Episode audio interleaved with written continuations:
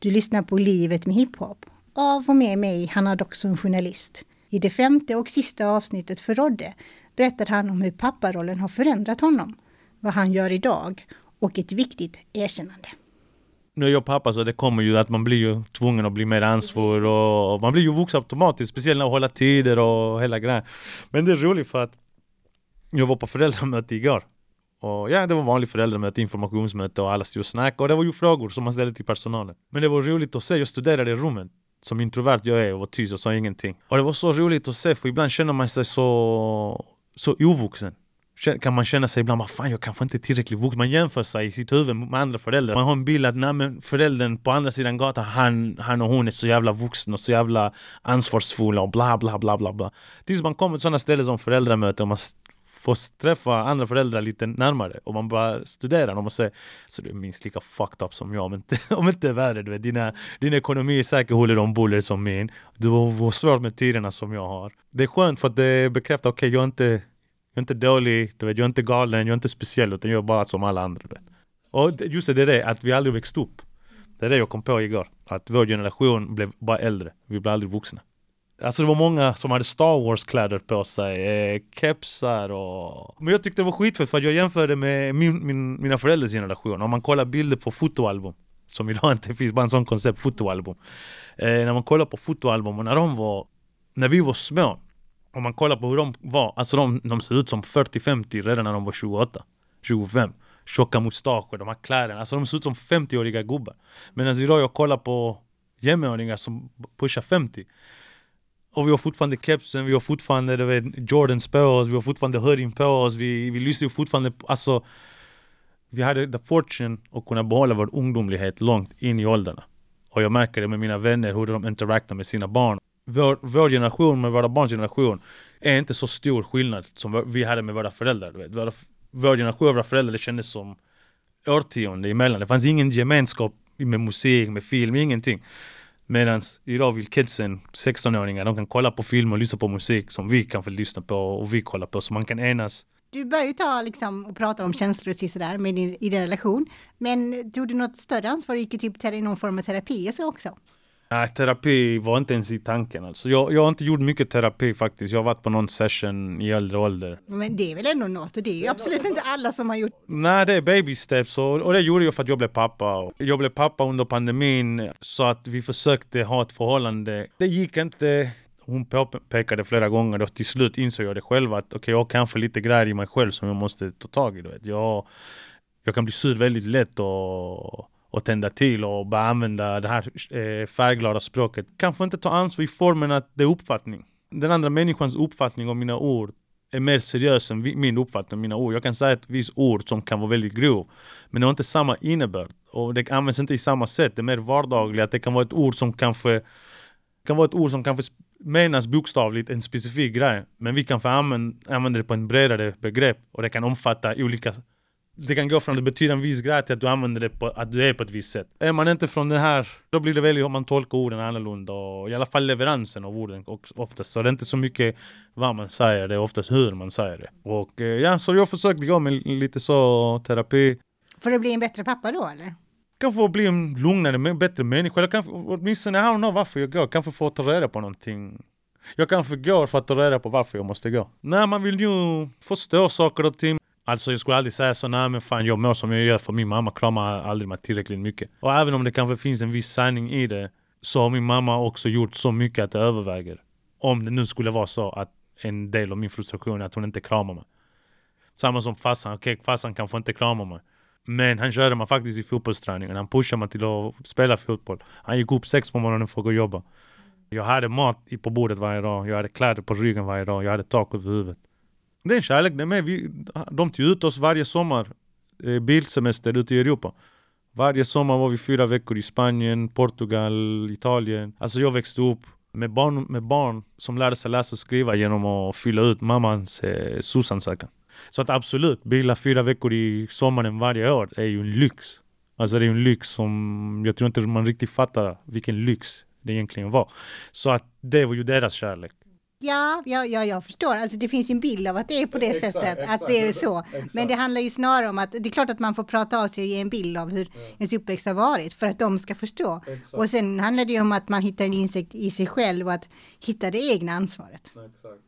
Och det, men det har du ju delvis landat i också, att du är tacksam för det du fick. Men också att i slutändan, hur är du nu idag? Hur är du med, med ditt barn? Hur är Rodde som pappa? Alltså det är ju det, i slutändan, det är ju där du kan göra skillnad. Exakt. Nej, nej men man är ju medveten om eh, Man är ju ve- medveten om saker och ting. Man kan väl ta med sig den kunskapen till nästa och försöka applicera det På det sättet man själv anser är kanske bättre Jag är lite för snäll, jag är raka motsatsen till mina föräldrar. Jag är, jag är, för, jag är lite för snäll, jag kan ge mig lite för mycket eh, Just nu har vi problem med Med sitta stilla och disciplin och, och lyssna och jag kanske är inte lika konsekvent som jag borde och lika strikt. Men visst absolut, jag kan också sätta ner foten och han vet, min son vet ju också okej nu är pappa lite surare eller lite allvar. Allvar för sur är han inte för att han skrattar. Även när jag blir sur så skrattar han. Så det, det ger en bild av hur jag är som pappa. När jag blir sur så skrattar han. Men alltså någonstans här då på vägen så blir du alltså kock, som jag har förstått det. Går ju från AP, mainstream rap och allting och det betalar ju hyran till en viss del. Till och med det var ju begränsat med pengar så även då under AP-tiden så hade vi jobb vid sidan om. Så det var inte som att jag lämnade AP och började jobba på den här fabriken utan jag hade haft jobb, random jobb vid sidan om. Och jag har alltid jobbat inom restaurangbranschen på ett helt annat sätt. Som servitör har jag jobbat flera år när jag var yngre, eh, jobbat lite i baren, hjälpte till lite i köket, eh, jobbat som kock några år. För fem år sedan tog jag en yrkesutbildning. Bara så att jag kunde få diplomen och ha det på en A4-papper och höja min lön lite. Astad utbildning hette det. Jättebra personal, forna kockar som var ja, snart i pensionen. Sista åren de ville jobba. Mycket av musikevenemang som man gör håller hus i ställen som är anslutna till ett kök på något sätt. Så att mat och kock eh, finns ju alltid inblandat. Så det var en naturlig grej och ville göra något på heltid för att musiken hade börjat tona ner sig. Det var inte lika mycket spelningar, jag var inte ute i Europa lika mycket. Eh, jag, jag hamnade i en period som artist där jag inte riktigt visste vad jag skulle göra och fram till några år sedan 40-åriga rappare var ett nytt koncept. Hiphop och rap är rätt ung genre vet, så att vi har inte våra Rolling Stones än. Vi har inte kommit så långt. Inom rock, du kan vara 60 bast och ändå göra din rockmusik och det anses vara men inom rap så var det länge, den, hiphop den här, okej du kommer till en viss ålder, då ska du växa upp och gå vidare. Och jag hamnade lite där, jag visste inte riktigt, okej är det nu jag ska växa upp och gå vidare? Men jag kände bara, nej vadå växa upp och gå vidare? Detta är den jag är. Jag, jag kan det är ingen dräkt, det är ingenting jag, du vet, hiphop är den jag är, det är ingenting jag tar på mig. Och jag behövde någonting och då kom erbjudanden genom Arbetsförmedlingen. Så Rodde, om du ska laga någon god mat, vad lagar du då? Alltså jag tycker om ris. Jag brukar göra någon form av karibisk ris med kokosmjölk och bönor och koriander och chili och lite så. Tillsammans med kanske någon... Ja, vad ska vi ta? Jag gillar kyckling. Jag äter jättemycket kyckling. Fisk och fågel äter jag väldigt mycket hemma. Jag gillar att göra hel kyckling och fylla det. Och, och, och proppa det och staffa det, du vet så med rosmarin och, och rödlök och kanske man lägger in lite frukt, lite apelsin och så om man vill ha lite, lite sötare smak och sådana här grejer. Enkla, enkla husmansgrejer med mycket smak. Jag gillar mycket smak, mycket hetta. Chilensk mat då? Och Om du skulle, vad skulle du göra då? Om jag skulle göra någonting idag, hade tid och möjlighet till det så hade jag nu gjort eh, pastel de choclo. Som är paj gjord av eh, majs. Med kyckling och... Med kyckling? Ja, jag äter mycket kyckling. Även om i Chile så äter man mycket kött. Chile är ett köttätande land. Man äter mycket nötkött och mycket griskött. Det är i olika former. Churrasco och de här är väldigt populära. Och sen har du los completo som är korv och bröd och, och sådana grejer. Men det finns eh, mycket kyckling också. Pastel de choclo är en traditionell eh, rätt som man äter till uh, nationaldagen. Den 18 september, 18. Och ja, man tar majs eh, med lite kryddor och salt, socker och olja och i en mixer. Så du gör det som en puré. Och det spänner man över i en form. Lägger lite picklat styckat kyckling tillsammans med ägg, eh, russin och eh, oliver, svarta oliver. Och lagrar det. Och sen in i ugnen. Om du ska skämma bort din son då, vad lagar du då? Det är väl pan pannkakor, det är väl hans älsklingsrätt. Nej men min son, tack och lov, han är allätare. Första gången han fick smaka picklad lök. Det fanns i en burk och jag gav han burken och sa smaka för jag, jag ger han alltid att smaka. Jag vill att han ska smaka allting.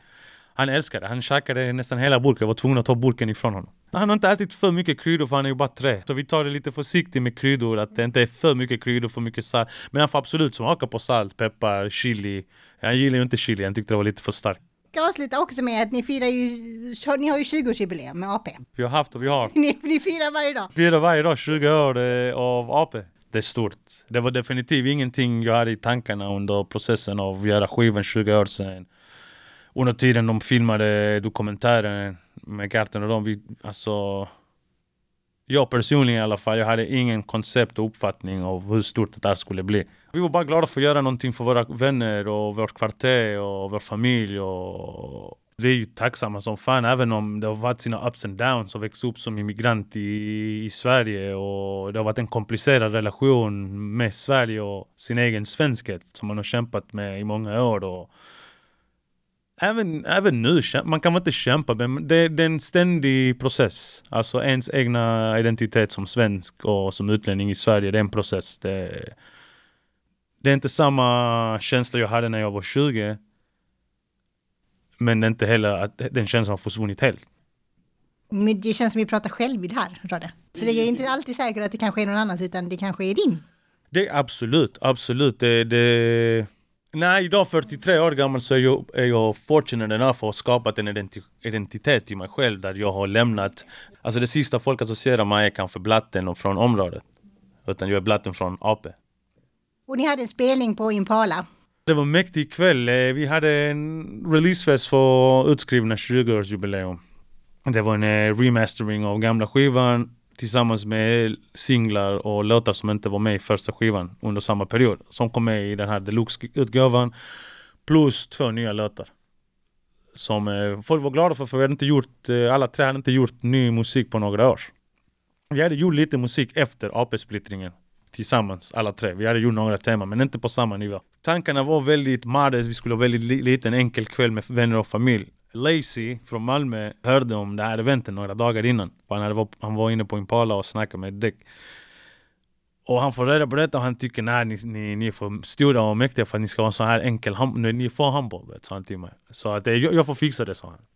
Så han styrde upp värsta kvällen och bjöd dit massa art lokala artister, eh, unga som äldre massa vänner och familj från eh, förrgår och idag. Och vi var där och firade eh, 20 år av AP. Vi hade skitmycket folk, eh, olika åldrar. Folk kom från Göteborg och Stockholm. Eh, vi hade representanten från eh, Ultras eh, Malmö. Och vi fick en gåva från dem, en, eh, en tavla, en plakat. Signerad av dem och en tack. För, för att de spelar mycket Välkommen till Malmö på MFF-matcherna. Det, det har blivit en del av hejaklacken. Och det är skitkul. Det är stort, alltså för man vet ju hur stor MFF är för folket i Malmö. Det är ett avtryck, det är många som är enade under MFF-flaggan. Oavsett kulturell och social bakgrund. Man accepterar, så det är skitstort att det man har varit delaktig i. Även om jag personligen inte är med i Välkommen till Malmö-låten. Eh, så det är ändå en låt från oss.